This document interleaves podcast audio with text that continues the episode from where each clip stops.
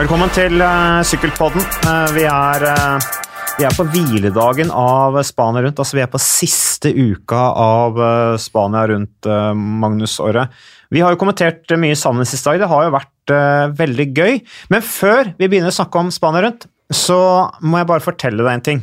Oi, nå er jeg spent. Det er ganske spennende, altså, for det er hviledag i Spania rundt. Og hva gjør jeg da? Jo, jeg står opp klokka seks, drar ut og løper, og så drar jeg rett på pressekonferanse med Sykkelforbundet, hvor vi kjører full guffe med laguttaket til VM. Var, det det du skulle fortelle? Ja, det er jo stort. Altså, Vi har ikke sett hverandre siden i går, og i mellomtiden så har jeg vært på laguttak til VM og greier og snakka om, om det, og, og, og Yorkshire og Harrogate og alt det som vi kan glede oss til. Hva har du gjort i dag? Jeg føler det ligger en sånn nedlatende tone i, det, i den setninga du kommer der. Litt sånn Jeg er ung og viril og står opp og gjør jobben, mens dere unge sitter bare hjemme og, og sløver. Og Helt fakta riktig. er at det, det stemmer.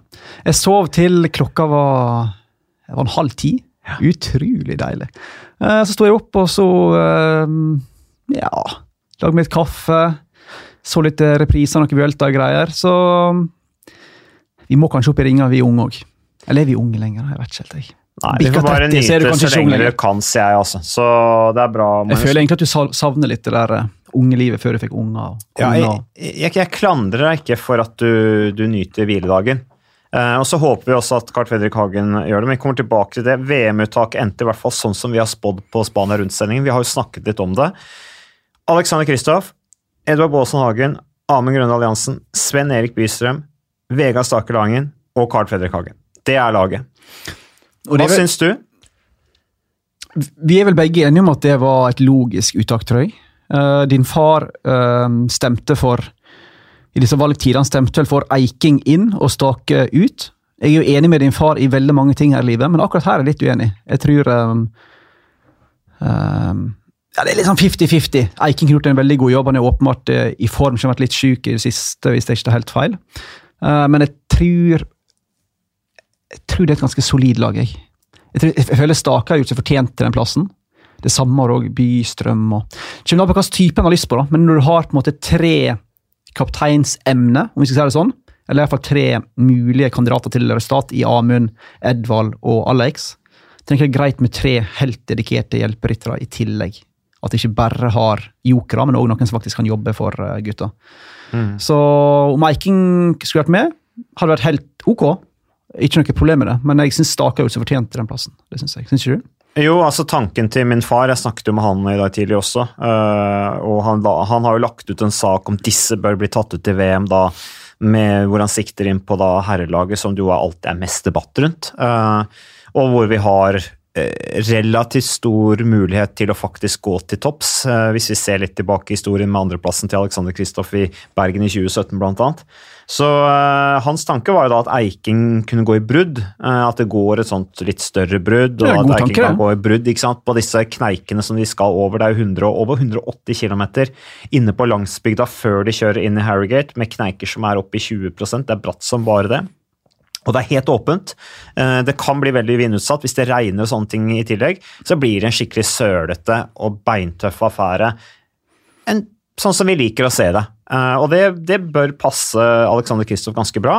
Og da tenker han da at ja, da kan Eiking sitte i bruddet, og så slipper da de norske å, å sitte og dra. For da kan de peke på Eiking, som jo har en Han er jo litt sånn vinnertype, han også, når han er på sitt beste. Men det ble altså ikke Odd Christian Eiking, det ble Vegard Stakerlangen i stedet. Og jeg tenker at det er greit, fordi Vegard Stakelangen er en stor ressurs. altså. De veit hva de har i han.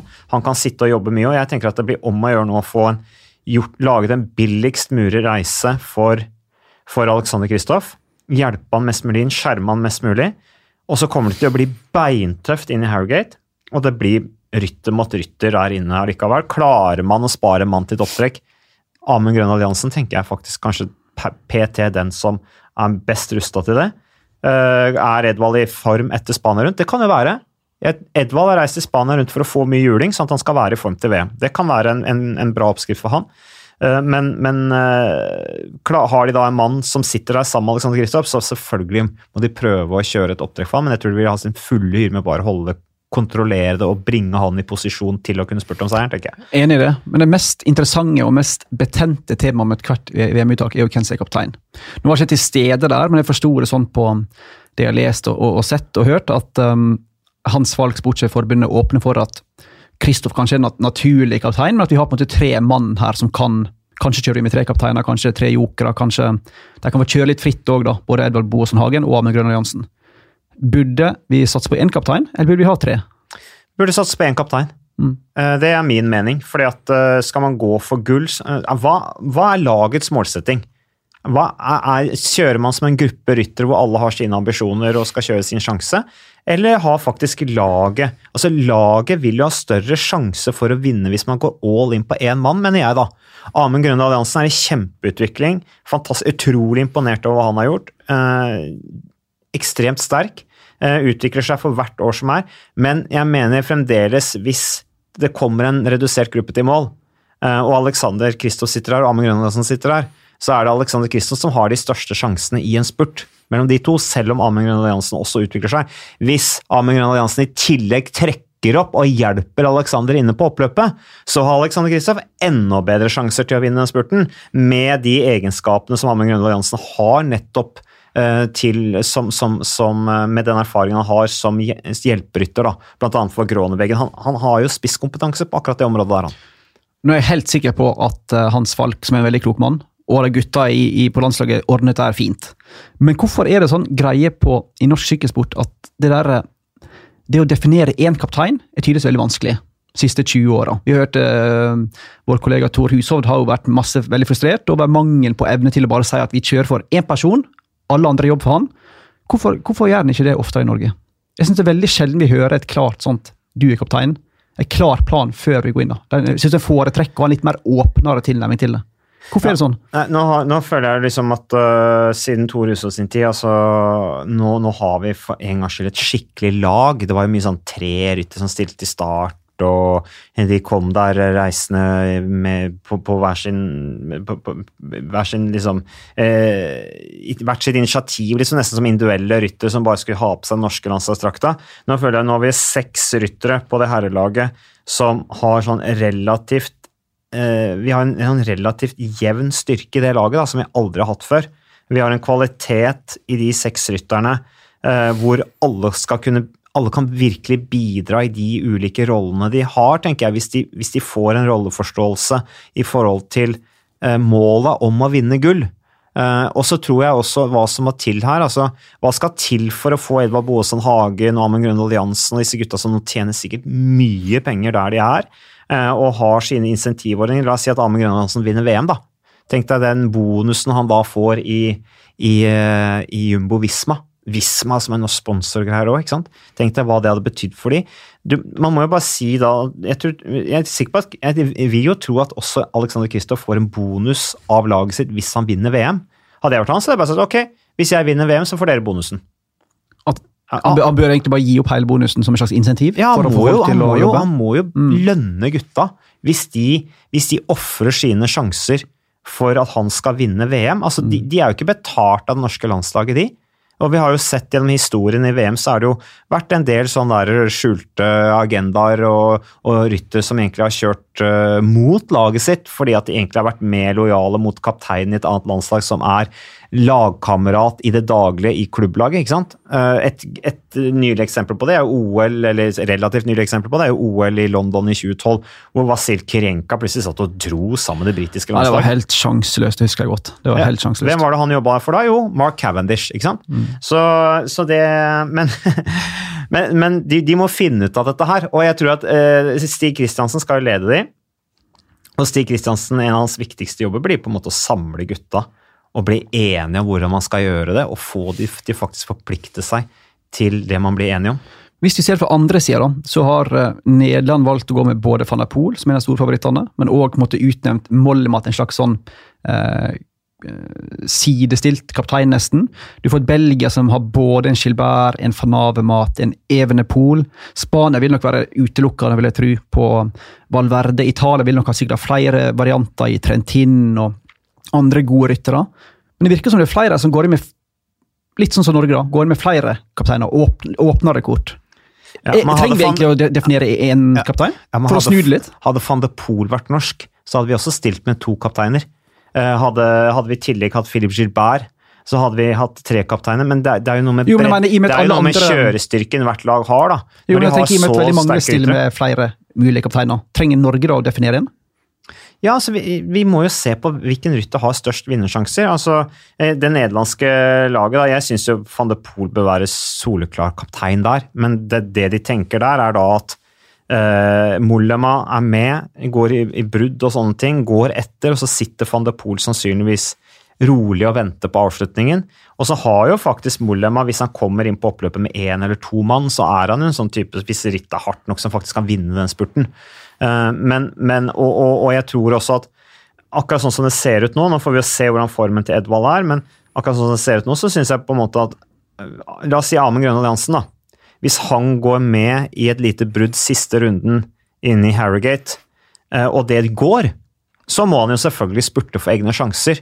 Men han trenger jo ikke å dra seg i hjel, liksom. Men, men han, da tenker jeg at ok, da får han den frie rollen til å gå for, for resultatet, og at, og at han får den muligheten til å gå etter. Men han trenger jo ikke å være den som jobber mest i bruddet.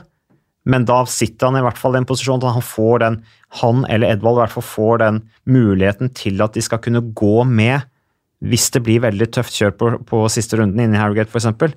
Og, og så er det jo bedre å ha en mann enn å ikke ha en mann der, tenker jeg. Og da er, det, da er jo det deres mulighet. Men hvis ikke, og de kommer inn på oppløpet, eller de er, sitter sammen med Alex på slutten, så må jo noen gå all in for å hjelpe Alex, tenker jeg. Det er den beste muligheten vi har. At ikke det at de sitter og holder igjen istedenfor å kjøre inn et brudd, f.eks. Det, det blir jo for dumt. Ja, ja. Vi har mange sterke ryttere. Mm. Det er et ganske sterkt lag. Det kan bli ganske gøy. Alle nevner jo Alaphilippe som liksom den store favoritten. Men han er liksom spent på formen hans. Han sykla Deutschland-tour etter Tour de France, var helt anonym, ble rundt nummer 100 sammenlagt. Han brøyt vel klassiker San Sebastian. Litt sånn usikker form på han, veldig spent. For han passer jo selvfølgelig løypa perfekt. og han Van der Poel og Valverde. Hvem er din sånn hovedutfordrer? En sånn dark horse vi må obs på? Uh, nei, jeg har jo nevnt van de Poel allerede. Uh, han er vel en favoritt, skjønner jeg da. Jeg sånn, Jo, han er en storfavoritt, men Philip Gilbert syns jeg er spennende. Uh, det vi ser av han i, i, i Spania rundt, det er opplagt at han bygger opp et eller annet, og at han har VM i, i bakhodet. Nå kan vi si han en dark horse, kanskje ikke. Vi har nevnt Patrick Bevan. Han er veldig dark horse. Eh, og, Der er du god, der får du høy odds. ja, hvis, hvis vi treffer på den, så skal jeg være fornøyd. Men det vi har sett av Patrick Bevan, han ble nummer to på tempotappen i, i Spania rundt. Uh, Det, er, uh, det, er, det viser at han er i form. Og så brøyt han Spania rundt bevisst, fordi at han, hadde, han følte han hadde fått nok matching og skal da spisse formen inn mot VM. Og Vi så også han i Andorra. Da klatra han faktisk overraskende bra, syns jeg, og han har en bra spurt i tillegg. Så han er min dark horse. da. Han er jo uten lag, noe særlig lag og sånne ting, men ok, det er kult. Hvis vi treffer på han, da. Men uh, ellers kan vi nevne også at uh, uh, damene så tok de ut Susanne Andersen, Stine Borgli, Vita Heine, Ingvild Gåskjenn og Katrine Aalerud. Sikkert noen som er litt overraska over at Ingvild Gåskjenn blir tatt ut istedenfor Emilie Moberg, men jeg tenker at tror kanskje de gjør det fordi at Emilie, Moberg har Hun kjørte jo bra i Ladies Tour Norway, tok poengtrøye og de tinga der. Og hun er på gang, men hun, hun er på en måte på gang etter mye skader og problemer. eh, og kanskje mangler litt grann grunnlaget. Og Gåskjenn er jo litt sånn framtida, tenker jeg. Ja, var vi stor, stor framgang i år. Så Mm. det, det er fullt mulig å forsvare det uttaket. Enig i det. Tok jo litt tid for Emilie etter den der um, hodesmellen hun fikk i fjor, og komme seg skikkelig tilbake igjen. Men uh, hun er jo ikke gammel, hun heller. da. Men uh, det begynner jo egentlig å bli et ganske sånn spennende damelag òg. Vita Heine er jo i kanonform. Kan bli ganske bra på tempoen. Uh, Susanne Andersen veit vi jo hva hun ble i Bergen. Var nummer sju, eller noe sånt? Sju, ja. Så det kan faktisk bli ganske gøy, det. På damesida òg. Det er i hvert fall spennende å se. Sykkelforbundet tror altså på, på mulig tre medaljer. Eh, Går inn der med den ambisjonen. Det fikk vi høre. Det er jo, eh, det er jo i så fall bra, hvis de klarer det. Da tenker jeg at det er, Der har vi de største mulighetene på herresiden. Junior herrer, U23 herrer og faktisk elite. Det er der de største medaljesjansene er. Og så er også de norske damene i stor fremgang, ikke minst Vita Heine, som hun kjører mye, mye bedre tempo enn det hun, eh, hun har gjort, gjort, på lang tid nå. Så det er bra. Men Magnus, Spania rundt. Uh, vi har jo veldig fokus på det nå. og jeg må jo si at det som skjer i Spania rundt nå, det gir på en måte sykkelsporten, norsk sykkelsport også et lite løft, føler jeg. Nå er det folk som sier til meg at ja, jeg, har, se, jeg har aldri sett på Spania rundt før, men jeg har begynt å se på det pga. Carl Fredrik Hagen. Det er mye mer gøy å følge med nå, for nå er det jo liksom hver dag så er det et eller annet å følge med på. Du har de flate etappene hvor det alltid er en eller annen mulighet til f.eks. Edvard Boasson Hagen. Uh, og så er, er, det ikke minst i fjellene om man ønsker å følge med på denne kampen om topp ti for Carl Fredrik Hagen. Som, hvis han blir topp ti, bedre enn ti, så er det det historisk beste samlet-resultatet av en nordmann noen gang i en treukerstur. Vi har jo snakket om det igjen og igjen og igjen på sendingene våre fra Spania rundt.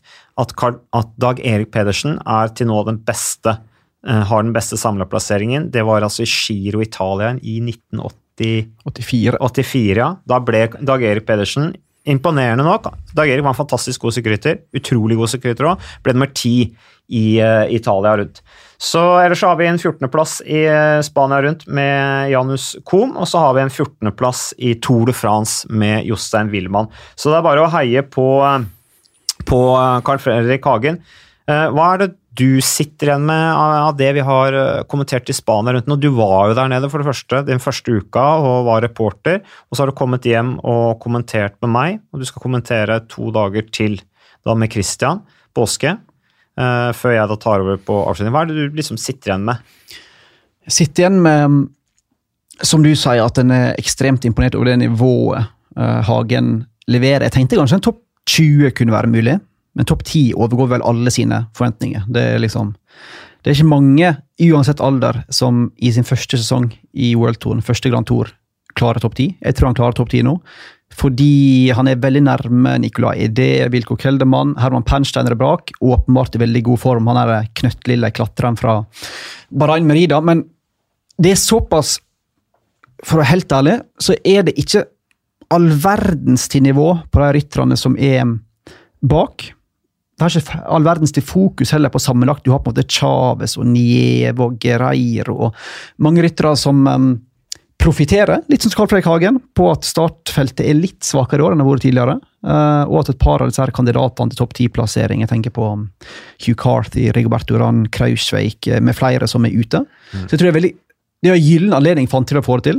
Um, og jeg tenker jo at hvis han klarer topp ti som første Grand Tour, så er det noe av det beste som er gjort av en norsk, norsk syklist noen gang. Kanskje, var... kanskje en drøy påstand, jeg vet ikke om du er enig? at hvis han klarer topp ti i sin første Grand Tour, så er det en av de beste prestasjonene til norsk syklist noen gang? Det er jo et gjennombrudd. Det er en milepæl som er brutt. da. Det er det jo. Eh, og det er jo også et tegn på at den interessen som er bygd opp, eller den, den generasjonen med ryttere som er bygd opp rundt midten av 2000-tallet, eh, takket være økt interesse for norsk sykkel i Norge, økt interesse for landeveissykling, nå kommer den generasjonen opp og har skapt en helt annen bredde. ikke sant? Eh, rekordantall nordmenn i Tour de France, rekordantall utenlandsproffer. Eh, vi har en, en bredde på U23-nivå som en stabil bredde som vi ikke har hatt før, mye takket være disse kontinentallagene som bygget opp over lang tid, med Joker Fuel of Norway i spissen og det arbeidet som er gjort på, fra Birger Hungerholt, som jeg syns skal ha en stor honnør. Nå kommer UnoX og tar den ballen videre, bygger videre på det og gjør en kjempeinnsats, og det blir pro kontinental. Det er veldig mye å se fram til eh, for norsk sykkelsport sin del. Nå kommer også, som jeg var inne på, dette forventningen med hva som skjer i norsk sykkelsport nå. Nå er det blant det etablerte sykkelpublikum så føler jeg at det er nå en ny interesse de har blitt stimulert, interessen deres har blitt ytterligere stimulert. Jeg bare merker det på disse eh, Facebook-sida vår på TV 2 f.eks. Hvor mye kommentarer er rundt Carl Fredrik Hagen, hvor mye entusiasme er rundt han. Og bak han så har vi Tobias Foss, som vinner Tour Lavenir. Som jo er et ritt som Egan Bernal og Quintana og disse gutta her har vunnet. Eh, og i tillegg Andreas Leknessund, som jo kanskje er på, hvert fall på papiret, er enda bedre enn Tobias Foss igjen. og så er det gode klatrere i Torjus Sleen, mm. vi vet Idar Andersen klatrer bra, vi vet Martin Bugge Urien altså, Det er veldig mange å ta av, da, så det lover jo ekstremt bra.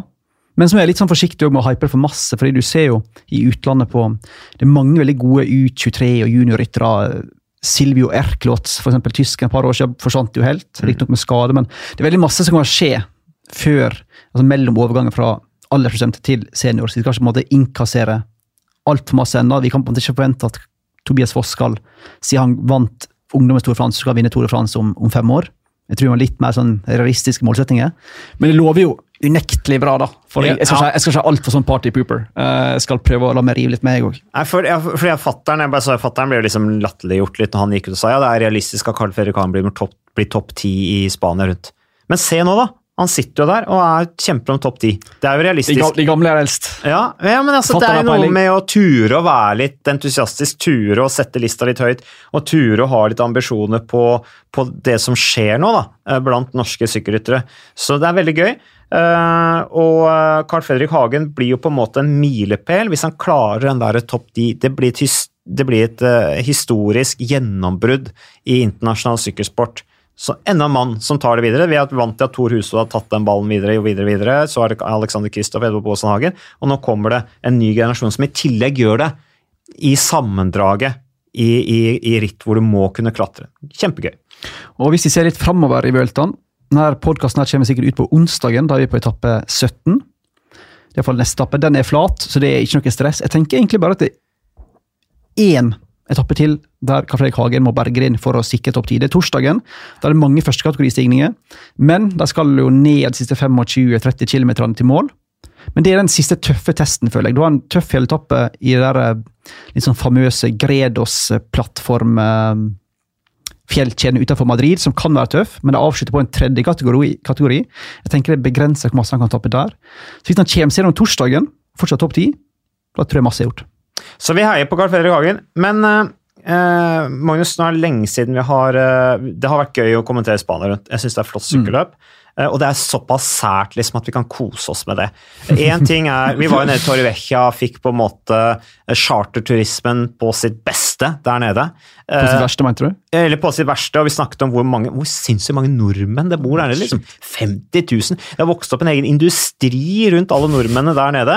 Eh, men vi har prøvd å nyansere det litt også. Alle er ikke bare sånne velferdsprofitører som reiser ned der og lever livet på bar i, i, i Syd-Spania, men, men det er på en måte bygd opp en industri rundt dette her med norske pleiehjem og, og, og, og sånne ting. Eh, ikke minst eiendomsmeglere, og at det er blitt generasjoner med nå barnebarn sant, som har tatt over leiligheten til sant, foreldre og besteforeldre og sånne ting. Men det er lenge siden vi har snakket om eh, det vi har, det er veldig lenge siden vi har vært kulturelle, Magnus, ut og, her på, på podkasten. Det har vært veldig mye sånn Fag, fag, fag. Det har vært mye fag, vært mye sykkelprat på Sykkelpodden. Eh, og det er jo for så vidt uh, logisk. Men Ja, jeg tenker jo det. ja, men jeg, nå når vi kommer til Spania rundt, så, så hører vi denne Hvis dere går inn, dere ser det, og så søker på uh, Welta Song, eller Welta Official Song, eller et eller annet sånt, så heter altså den Otro Intento Mass. Og for første gang så er det altså en rap-låt som er den offisielle som er den offisielle Spania Rundt-sangen. Eh, og Du den- er veldig glad i rap, er ikke du det? Det Jo. passer overhodet ikke til den personligheten du prøver på en måte å, å vise utad, men du er veldig glad i østkant-rap fra USA. ja, East Coast. East West Coast. Coast, gangster shit. Jo, men jeg, jeg trodde du kødda når du sa det første gang, men du er faktisk, sitter faktisk hjemme og hører på tung rap. Jeg gjør det. Hvor gammel kan man gammel, Når er det på en måte Når er det på en måte ikke lov å si at du eller, Hvor gammel må du være for ikke å ha lov til å gjøre nei, det? altså, Liksom? du, du skal få lov til å gjøre akkurat hva du vil. Det er et fritt Altså, land. Dr. Dre og de Jo. gutta der, de er jo eldre enn meg, de. Jo, men jeg tenker at det er ikke at du ikke har lov til det. Jeg liker veldig godt at du står for òg. Det er bare at det, det krasjer litt med den der eh, vestkant-looken og mm, den veldig sånn politisk korrekte, eh, skikkelige typen du framstår som på TV. da. Jeg vet at du ikke er sånn på virkeligheten, du er jo en, du er, du er en slask. Men, men, at du liksom digger den rappmusikken, det syns jeg er ganske, ganske fest, egentlig. Ja, Hva- hva er- jeg hva- syns hva- det hva er forteller litt favorittbandet om, eh, om eh, kulturen i USA og i det hele tatt. Og, og det er litt med det opp, eh, opprøret og Jeg tror jeg synes Hva det er favorittbandet ditt, da? For, eh, Eller- rappere. ja. Akkurat nå hører jeg mye på eh, altså noe som heter Souls of Mischief. Men ellers er jeg veldig glad i old school Snoop Dogg og Dr. Dre og Tupac og- NVA. Tupac. Jeg begynte å høre på Tupac, ikke sant? Eh, så, og, og derfor så syns jeg det er så flott at nå Spania Rundt endelig på en måte har fått av seg det derre eh, folkemusikkpreget sitt, og så dratt fram en rap. Fordi at de ønsker å få litt, Nå er jo ikke jeg ungdom, da, men jeg tenker at det er lurt da, å fornye seg litt. Spania Rundt har jo vært et sykkelløp som har vært flinke til å fornye seg.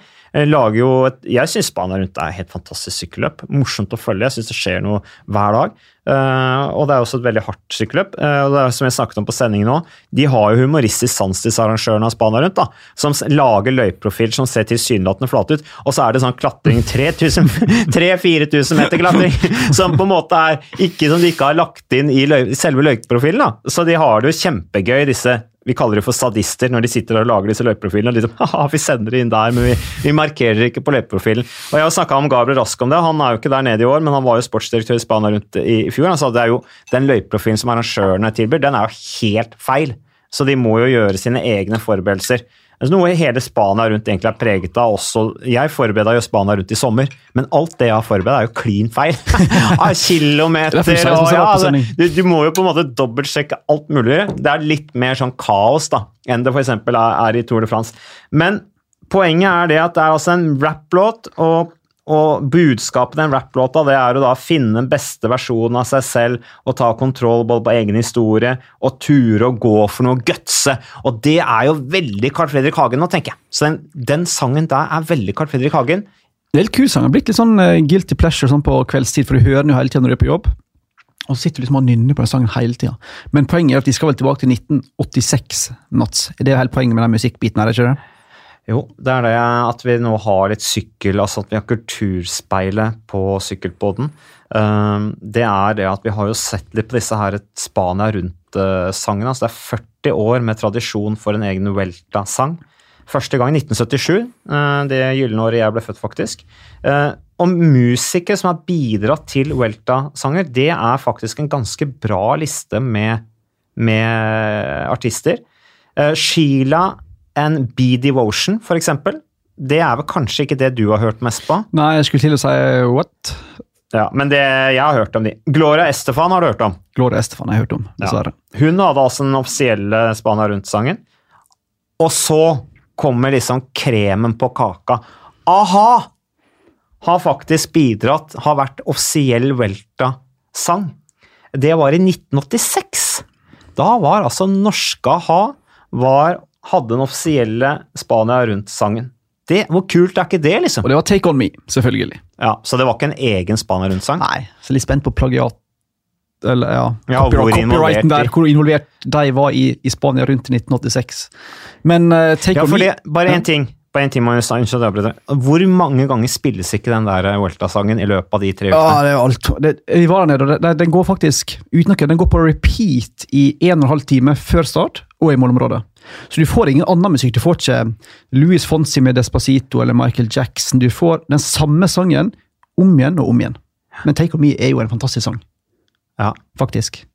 Men du har òg hatt Earth, Wind and Fire med September som offisiell sang. Mm. Og i 1998 så hadde du faktisk ah, mange sin Guilty Pleasure, Venga Boys. Men det er ikke med Boom Boom Boom. Nei. Dessverre, det òg er jo en eh, Kanskje ikke bra sang, men den er jo veldig sånn eh, Boom, boom, boom, Den er jo litt uh, catchy, men det var Up and Down. Uh, en langt svakere sang fra Venga Boys. Ja, den kan jeg ikke. Og så hadde Shakira hadde et, et, en sang her for et par år siden. Jeg tror det. Så der òg er det egentlig ganske banebrytende Vueltan. Nei, så Spania rundt leverer altså når det er snakk om kultur og, og ikke minst da popmusikk. Eh, når det gjelder hvor mange ganger disse sangene spilles, altså denne den eh, Otro intento mass, et nytt forsøk som vi altså sa det heter på, på norsk, den skal kringkastes 400 ganger på disse ulike spanske RTVE-stasjonene da, eh, i løpet av de neste, altså i løpet av fire måneder så skal den da kringkastes 400 ganger. Så hvis da Take On Me ble blåst opp like mye i Spania, så må jo a-ha tjent en del penger på tenker jeg. For det er jo sånn sant? Du må jo betale hver gang du spiller en sang på radio og TV, må du ikke det? Det er jo noe sånne... Det er jo sånn det er, men jeg tenker at de kanskje har litt penger fra før. Ja, men Kanskje det er jo. Fono eller et eller annet sånt som tar en viss sum for hver gang en Stemmer. låt spilles. Så de har sikkert tjent litt på at de, måtte, at de kunne bidra da i, i Spania rundt. Er det noe, ellers er det noen du vil ta opp, eh, Magnus, når vi først sitter her og har møttes til å ha Sykkelpodden? Mm, jeg føler jo en gjennomgangsmelodi i, i Spania rundt, bortsett fra Otto Rundt Thomas, um, er at um, den derre Movistar-melodramaet Ja. Hva bør Movistar gjøre for å skjerpe seg, tenker du? De, de, altså, bak, bakgrunnen er jo selvfølgelig det der eh, håpløse nesten samarbeidet med Quintana Valverde, og så har du Marc Soler som går litt for egne sjanser og demonstrativt ikke vil hjelpe sine egne kapteiner, og så sitter de igjen med Du får kanskje andreplass da, med Valverde, men de bytter jo ut mot ti ryttere neste år, blant annet. Ut med Quintana, ut med Landa, ut med Carapaz, ut med Sytterlin, ut med Weiss, Sepulveda, ut med Anacona, ut med Betancourt. En haug med ryttere som skal bort. Hva bør de gjøre neste år for å faktisk um, bli det laget de burde være? Jeg tenker at de underpresterer litt der. da. Ja, altså Det er jo veldig mange som er kritiske til, eh, til Movistar-måten de kjører på. Det er jo et spørsmål om eh, er de, Får de maks ut av det, eller får de ikke maks ut av det? Eh, spørsmålet er om de egentlig har om de egentlig får ganske mye ut av det de faktisk har, og at de egentlig får til mye mer enn det folk sier de gjør. Altså jeg tenker på uh, De taktiske disposisjonene noen ganger, så er det jo folk river seg i hår og sånne ting, men de får jo til en del òg, da, tenker jeg. Uh, og det er jo ikke sånn at de er helt sjanseløse. De vant jo Italia rundt uh, i år, for Uh, de er eh, godt plassert i, i Spania rundt med Valverde på en annen plass. Hvor dårlig er det egentlig? Det er jo bare det at de har ikke rytter som har sjanse til å slå Hvor masse har de fått ut av Mikkel Landa disse- åra her? Ja, Landa kan du sikkert diskutere, eh, men, eh, men eh, samtidig så, så bygger de jo disse her rytterne opp til å bli ganske gode. Da. De kommer jo ofte gjennom systemet deres, og, og nå blir det jo spennende å se på Marc Soler, som jo eh, litt sånn overraskende For det er jo gjerne det er et lag hvor, som er veldig sånn hierarkisk modell, og de er veldig eh, lojale mot beslutningene sine, eh, eller mot de beslutningene som tas av ledelsen. Dette dynastiet som vi beskriver Movistar som. Men så er problemet, som jeg også sa på sending i Spania rundt for noen dager siden, at problemet deres er at tidligere så bare løste ting seg på veien, at man fikk en klar kaptein underveis, men nå så har du liksom Quintana, Valverde, eh, Landa som er så jevngode hele tiden, og Carapaz i Italia rundt, som også egentlig var hjelperytter, så plutselig vinner han hele greiene. De har plutselig rytter som er veldig jevngode, da. Uh, og det, Da blir det problemer, uh, men, men hva de bør gjøre Nå får vi jo se neste år, så er det Valverde fortsetter jo selvfølgelig. Han skal fortsette et par-tre år til, eller hva, hvor lenge han har signert kontrakt. Eh, og så får du jo da en, han Henrik Mass kommer inn. Eh, og da tenker jeg at Og så har de Mark Soler. Jeg tipper at føler at det blir de tre på en måte viktigste rytterne deres fra neste år. Jeg vet ikke hva du tenker om det? Jo, det blir jo fort det. De henter jo Gabriel Culleig fra Wiggins, de henter vel Inigo Elosigi fra det der FIDE-laget sitt til Sartre. De henter en del sånne unge talent. Men når du klart, føler jo sitter igjen med et dårligere lag enn de har når du bytter ut Landa, Carapaz og Quintana med Henrik Mas. Altså, sorry, Mac, men Mas er god, han. Og ble med to i Vueltaen i fjor og alt det der, men det er jo langt mellom høydepunkter. Han kan sikkert bli ei, ei god rytter etter hvert, men det er litt sånn symbolsk for den der mangelen på grasrotarbeid og mangel på talent i svensk sykkelsport. da. Etter den gylne perioden han har hatt fra med 80-tallet egentlig, og fram til og med i dag, så gror det altfor dårlig, og det vet jeg jo selvfølgelig om. Men det gror veldig dårlig, og klart jeg føler at Moser sitter igjen med et eh, betydelig dårligere lag egentlig neste år. Mindre jeg gjør henter mange andre ryttere i tillegg, da. Men, Men- em, De fyller jo på med søramerikanere, da. Og, og, det, og for Movistar er det søramerikanske markedet nesten like viktig som det spanske markedet, fordi at Movistar som telefonselskap har jo like store interesser der som de har i Spania. Jo, men de kvitter seg med Anacona, Betancourt og Quintana. Tre gamle colombianere. Så da inn han der um, Alba og han eh, Hva heter han siste? Rubio. Einar Augusto Rubio. Gode ryttere. Men det er jo litt sånn, vi har sett med colombianerne, det er jo litt um, Det er store talent, men det er jo litt bingo òg. Det er ikke alle disse her superklatrerne som slår til. da. Nei. Apropos, apropos Betancourt. Uh, så Betancourt har vært helt håpløs. Han er jo veldig vanskelig å styre og Ja, lede. og- mener, altså, sånn- Carapaz var jo for så vidt det, han òg, da. Ja da. Han hadde jo ikke halve han heller. Han veltet jo på en måte ut av Spania rundt. Var jo en av de store favorittene til årets Spania rundt. Og så ja, reiste han opp og kjører et der eh, kriteriumsritt opp i Nederland. Velter. eh, og skader seg såpass at han ikke får stilt til start, og Movistar blir fly forbanna. Derfor så er denne konflikten da med, med, med Aquadro, manageren deres som vi snakket om på forrige sykkelpodden med Tor Hushovd og, og Christian Påske. Men, eh, nei, men det er spennende. Men uh, Movistar er uh, Det er jo et drama som vi liker å følge med på. Ja, ja, ja, ja, ja. Det er veldig gøy å se på. da. Jeg liker å se på at andre stresser.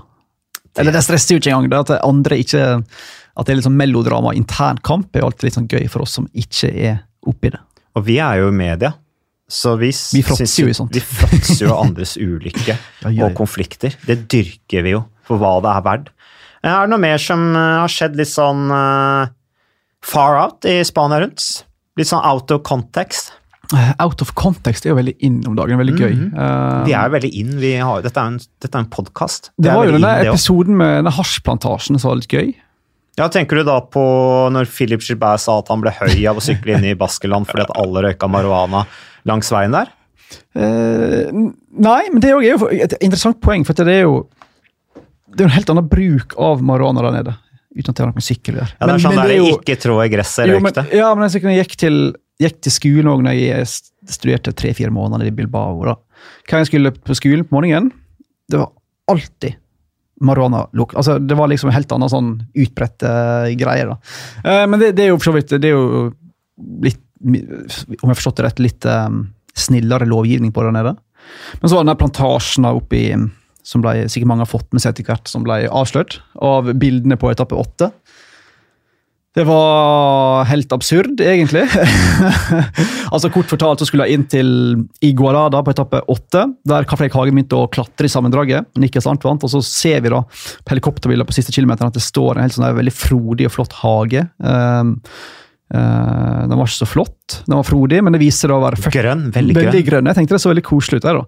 Det var liksom uh, vitne om velstand og, og en deilig, til, deilig tilnærming til livet, men det var jo da 40 cannabis- eller marihuana-buskvekster. Ja, for det var ikke plass til å sitte det der. der, liksom. Nei, det var Det liksom bare veldig masse grønne busker, og det var 40 sånne um, hasjplanter uh, som da ble konfiskert av politiet. Jeg tror ikke de har funnet de som jeg tror de stakk fra huset, skjønner de som bodde der. så de er fortsatt at large, så hvis dere har lyst til å tjene penger, så kan dere gå inn og finne dem og levere til spanske politiet. Uh, men det var jo uh, Skal vi si uh, det, er ikke, det er ikke all PR som er god PR, da, for å si Nei. det på den måten.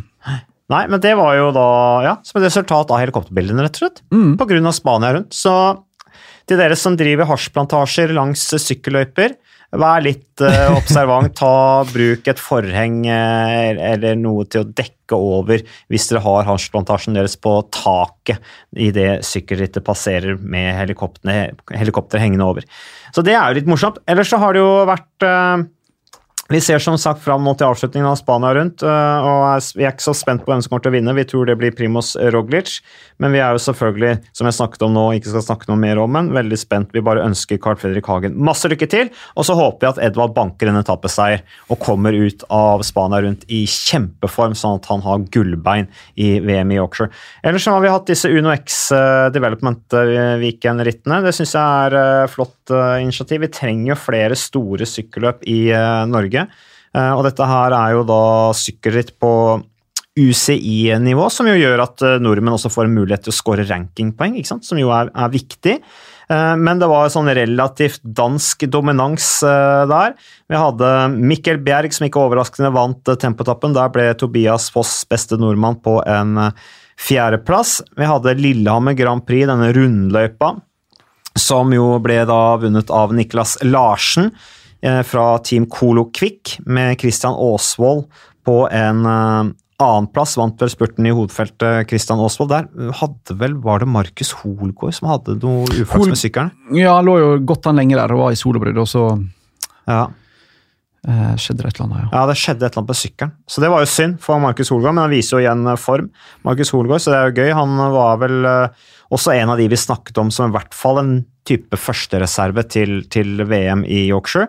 Og så var det Kristoffer Skjerpin, altså klinte til uh, og vant uh, Gylne Guthus, som jo er et uh, flott sykkelløp, syns jeg. Virkelig en helt sånn unik ramme rundt det sykkelrittet. Blir flotte bilder derfra. ser helt rått ut, og bør jo i fremtiden kunne, særlig akkurat det rittet der, tenker jeg i fremtiden håper jeg man bygger videre på, kanskje utvikler til å bli kanskje enda større enn det det er også, da. Mm. Så det? Er noe du har lyst Nei, til å legge til? helt enig. Godt, godt resonnement. Mm. Uh, uh, gøy med sykkelritt i, i, i Norge. Um, Nå er du veldig sliten, Magnus. Jeg tror du har, er litt preget av Spania rundt. det krever, krever sin mann. Mm. Nei, men det skulle si at det er jo Det er sikkert ikke så enkelt for alle, um, alle vanlige folk å på en måte um, sette pris på disse rittene i Norge, fordi det er såpass mange ukjente lag og ukjente ryttere. Men hvis du ser nøye på startlista, da, for oss som er litt sånn over gjennomsnittet interessert, så er det veldig mange sånn morgendagens helter, altså fra, fra Philipsen i fjor til Mikkel Bjerg i år. Altså Hvis du er interessert i sykkel, og interessert i utvikling av sykkel, så er det ganske kule ritt å følge med på. Så eh, good job til eh, alle involverte parter, må jeg vel si. Mm. Og danskene viser igjen at de liksom, uansett hva slags alderskategori vi snakker om, uh, om det er junior eller U23, eller om det er damejunior eller dameelite eller herreelite altså Det er så mange dansker som er så ekstremt gode at jeg må ærlig innrømme at jeg av og til går litt i surr på alle danskene. Det er så mange Pedersen og Madsen og vanvittig, sånn, vanvittig talentfabrikk om dagen. Danskene. Jeg er spent på hva de egentlig gjør der nede som ingen andre i ja, nesten i verden driver med. Det kommer så mange gode ryttere opp de siste fem åra, og det er ekstremt mange på sånn 18-19-20-årsnivå. Så danskene kan jo ha et verdensherredømme etter hvert. Frykt, ikke frykte, mistenker. jeg. Burde de ikke skaffe seg sånne artistnavn? Med litt sånn schwung over? Litt sånn som Tupac, da. Vi var jo inne på rappmusikk, ikke sant? Eller at danskene bare skjøt syklister får seg artistnavn, da. For at liksom det skal bli Liksom lettere å forholde Tupac, seg til Ja, liksom litt, med litt mer schwung over, da. Bare at navnet i seg selv får en stor verdi. Hva vil du anbefale? Nei, for eksempel, eh, la oss ta en av tilfeldige dansker, da. Mathias Nord, sant? Typisk dansk navn. Vanskelig å huske det navnet. At han kaller seg Mathias uh, Badass Wow. times two, Wow. eller et eller annet. Eller et, eller annet et eller annet kult, da. Som øh, gjør at du liksom husker navnet lett. Det er faktisk et uh, Og så kan du ha navnet på ryggen, ikke sant. godt forslag, Og så litt attitude i forhold til det navnet du har. Det kan jo være konsept å bygge videre på i i internasjonal sykkelpart, men ha, for å nevne, du var inne på dette med lagene og morgendagens helter, og, og, og at dette her, for de som er sykkelinteressert og virkelig tenker eh, ønsker å følge utviklingen til rytter over tid, eh, så er det veldig interessant med de det Univex Development Weekend, hvor den gjengen kommer hit til Norge for å konkurrere. Du har Hagen Bermans Action, for eksempel, da. eller Hagen Berman Action, som jo er et lag som er drevet da av Axel Marx, altså sønnen til Eddie Marx. Og bare, bare i Spania rundt så er det ti ryttere som har sykla for det laget i årets Spania rundt. Så det sier noe om på en måte hvilket utviklingsprosjekt det er, da. Som for øvrig er pro kontinentallag i dag, og blir kontinentallag igjen til neste år. Eh, Så, eh, men det fortsetter i hvert fall, og det er, eh, det er viktig. Kevin Fermerke, blant annet, som kjørte Lillehammer Grand Prix, husker jeg jo fra, fra Tour of Yorkshire. Var i brudd der, og en spennende rytter. Men det som er interessant, og det snakker vi jo litt om på sendinga her om dagen, Mats, er jo det at mange av disse fabrikkene har jo veldig få insentiv, bortsett fra goodwill og lidenskap for sporten, til å utvikle talentene sine. Du ser Hagens Berman som går ned på kontinivå neste år, som du sier, men det vil ikke endres veldig mye, egentlig. Men veldig mange av disse talentfabrikkene, vi ser Wiggins, vi ser flere lag i Spania, Italia, eh, legger jo ned, stenger dørene, eh, slutter å sykle. Fordi det er ikke økonomi til å holde på sånn. Og da må en jo på en eller annen måte klare å skape insentiv, økonomisk insentiv først og fremst, til disse lagene, som UnoX for eksempel, som er veldig opptatt av å skulle, istedenfor å måte bli et storlag sjøl, skulle fostre talent til andre lag, så må en klare å finne en måte å belønne lagene på. da. Og Du har en interessant tanke der med, med UnoX, for eksempel, med å måte, gi rytterne mye lengre kontrakt, for å så bli kjøpt ut av den kontrakten. Ja, ta et eksempel på UnoX, da. Uh, Jens Haugland, som jo er administrerende direktør i UnoX Energi, og som på en måte er den store driveren av, av det sykkellaget i dag. Han er på en måte El Patron. Primus motor. Ja. Uh, så han, han er jo Han har jo tatt managerutdannelse. Eller altså han, han, han, han er sykkelmanager i tillegg, så han kan da ha en stall med ryttere som han kan jobbe for ikke sant? Og, og, og, og ta ut til, til, til, lag. Men han har ikke lov til å, slik jeg har forstått reglene, så har ikke han lov til å være manager og lageier samtidig. Eh, eller at han har ikke lov til å være manager for ryttere som han eh, har i det laget han driver. Et eller annet der, da. Men han har i hvert fall ikke noe eh, Det jeg tenker, det er i hvert fall at hvis hvis på en måte laget kunne når da for eksempel, La oss si Tobias Foss, da, når han går til Jumbo Visma. Så har jo han da mange år fremover siden han tjener sikkert gode penger og tjener kanskje mer og mer, så er jo vanlig at en manager da får en viss prosent av inntekten Uh, ja, At selgende klubb sitter igjen med sånn fotball sitter igjen med en ja, sum for å selge stort talent i en stor klubb. Ja, At det går til klubben, da. Mm. Eller at e, en eller annen person i klubben har en sånn uh, har en rolle som gjør at det kan kanaliseres tilbake til klubben. Enkelt og greit så blir det i hvert fall noe inntekter, da. Uh, og når du kommer opp på inntekter på, på la oss si Peter Sagan-nivå, så kan jo det drifte et helt lag, det aleine, mm. Eh, med en fyr som tjener 50 millioner i året, eller 40 millioner, eller hva det måtte være. For Poenget er på en måte den kultur, eller den, den strukturen på måten sykkellaget driver på sykkelsporten, er jo grunnleggende usunn. sant? Fordi at du får Du gjør en stor jobb med å sende ja, Peter Sagan av videre storlag. Han får verdensherredømme, blir verdens beste syklist. Og den klubben som har gjort arbeidet med å faktisk å passe på han, sitter igjen med null kroner. sant? For sammenlignet med fotball, det blir på en måte det samme som om eh, at godset gir, gir Ødegaard til Real Madrid. Uten å få nok igjen. Vi har sett at de fikk jo en del igjen i forskjellige kanaler ja. i den siste avsløringen. Glimrende saker fra VG. Um, men poenget er at da må en jo klare å, enten gjennom lengre kontrakter eller dyre utkjøpsklausuler, gjøre sånn at selgende klubb, de som tar på seg ansvar med å skape de neste syklistene, mm. må ha noe igjen for det. Ellers så blir det veldig fryktig, sånn som vi ser. At du har et lag som er der i fem-seks år, og så slutter de. Ofte basert kun på ildsjeler. Folk som har lyst og brenner for og syns det er gøy å kunne utvikle litt. Da.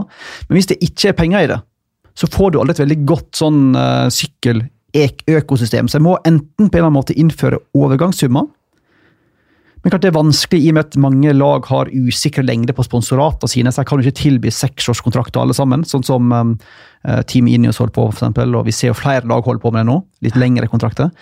Men det er et kjempeutfordring for UnoX og andre å finne en eller annen måte å I alle fall de som er mindre dårligere bemidla enn UnoX, de har jo en god økonomi. De er jo mye mer solide enn veldig mange andre lag. Men mange av de andre talentfabrikkene lever litt sånn fra hånd til munn. Mm. Sitter igjen med null og niks, bortsett fra sånn klapp på skuldra. Ja, 'Takk for hjelpa di for at du utvikla Roma Badé, men vi har null kroner til deg'. Så jeg må ja. klare å finne en eller annen måte å endre det på for å komme videre i denne mosegrodde tradisjonsbaserte sporten. Ja, og særlig for de små kontinentallagene, hvor 100 000, 200 000 sånne summer har ganske mye å si. Ja, ja, du uh, så, så, så, tenker jeg at de, de, de summene som, som, som kan kanaliseres tilbake til laget som en gevinst fordi at de har utviklet ryttere. Eh, og det er de som har ført da en rytter fra et steg til et annet. Eh, så, så må, der er det overmodent for å gjøre noen endringer. Og hvorfor skal Aquadro og sånne enkeltpersoner tjene masse penger jo, på det? Det, det er problemet, sant? Når det er et så ureg uregulert marked som det er i sykkelsporten, da åpner det opp for at Aquadro og Lombardi og Ingenting mot dem, altså, men at store agenter får veldig masse makt, istedenfor at pengestrømmen går til laga. Så det er en litt sånn lei trend jeg synes vi ser. Jeg synes vi ser at det er fire, fem, seks managere slash agenter som får veldig masse makt. Spesielt med Aquadro, som kort fortalt, da, for de som ikke har fått med seg det, ikke skal han er på kant med Movistar og skal selge ryttere til alle andre enn akkurat deg, fordi han er sur på Unsue i, i, Eller omvendt. i sjefsstolen i, ja, i Movistar.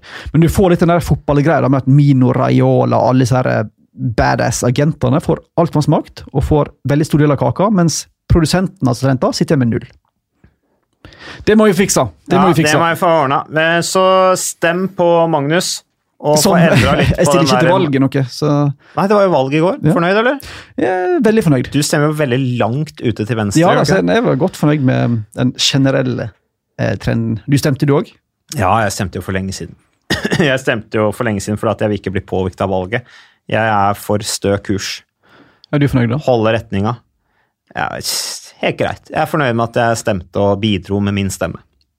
Så ikke så veldig fornøyd, da, med andre ord. Nei, altså, jeg syns jeg bor i Oslo. Jeg syns for så vidt det er mye positivt det er som skjer i Oslo, så det er ikke noe krise i det hele tatt. Jeg ser på andre steder, Hvis du setter ting litt i perspektiv, så har vi det ganske bra. Så, så jeg bare heier på de som skal lede videre, men eh, jeg stemte ikke nødvendigvis på de. Nei. Nei. Men uh, en annen ting um, uh, Jeg tenker vi avslutter der. Magnus, hvis det var noe mer du skulle si da? Nei, bortsett fra at jeg tror det blir veldig spennende de siste fem etapper. Så det blir uh, gøy. Fra og med onsdag to veldig kuperte etapper som skal avgjøre skjebnen til Karl Fredrik Hagen. To etapper for kanskje Edvald Boasson Hagen, kanskje spurterne, og så en sånn her eh, langt gjesp av en paradegren inne i Madrid. Men det er, noe, gøy, det, for så vidt. Så det blir veldig gøy sykkelveke. Det blir det absolutt, tror jeg. Ja, så da er det bare å skru på TV2 Sport eh, 1, som det går mye på, eventuelt i helgene. Sumo er det, safe, er det tryggeste. Er det tryggeste. Der får Eh, du uansett. Ja, Sumo går, der får du sett alt, og vi til og med Løp og kjøp. løp og kjøp TV2 Sumo, folkens. Kos dere! Vi er straks Vi er tilbake en eller annen dag. Takk for oss. Takk for oss.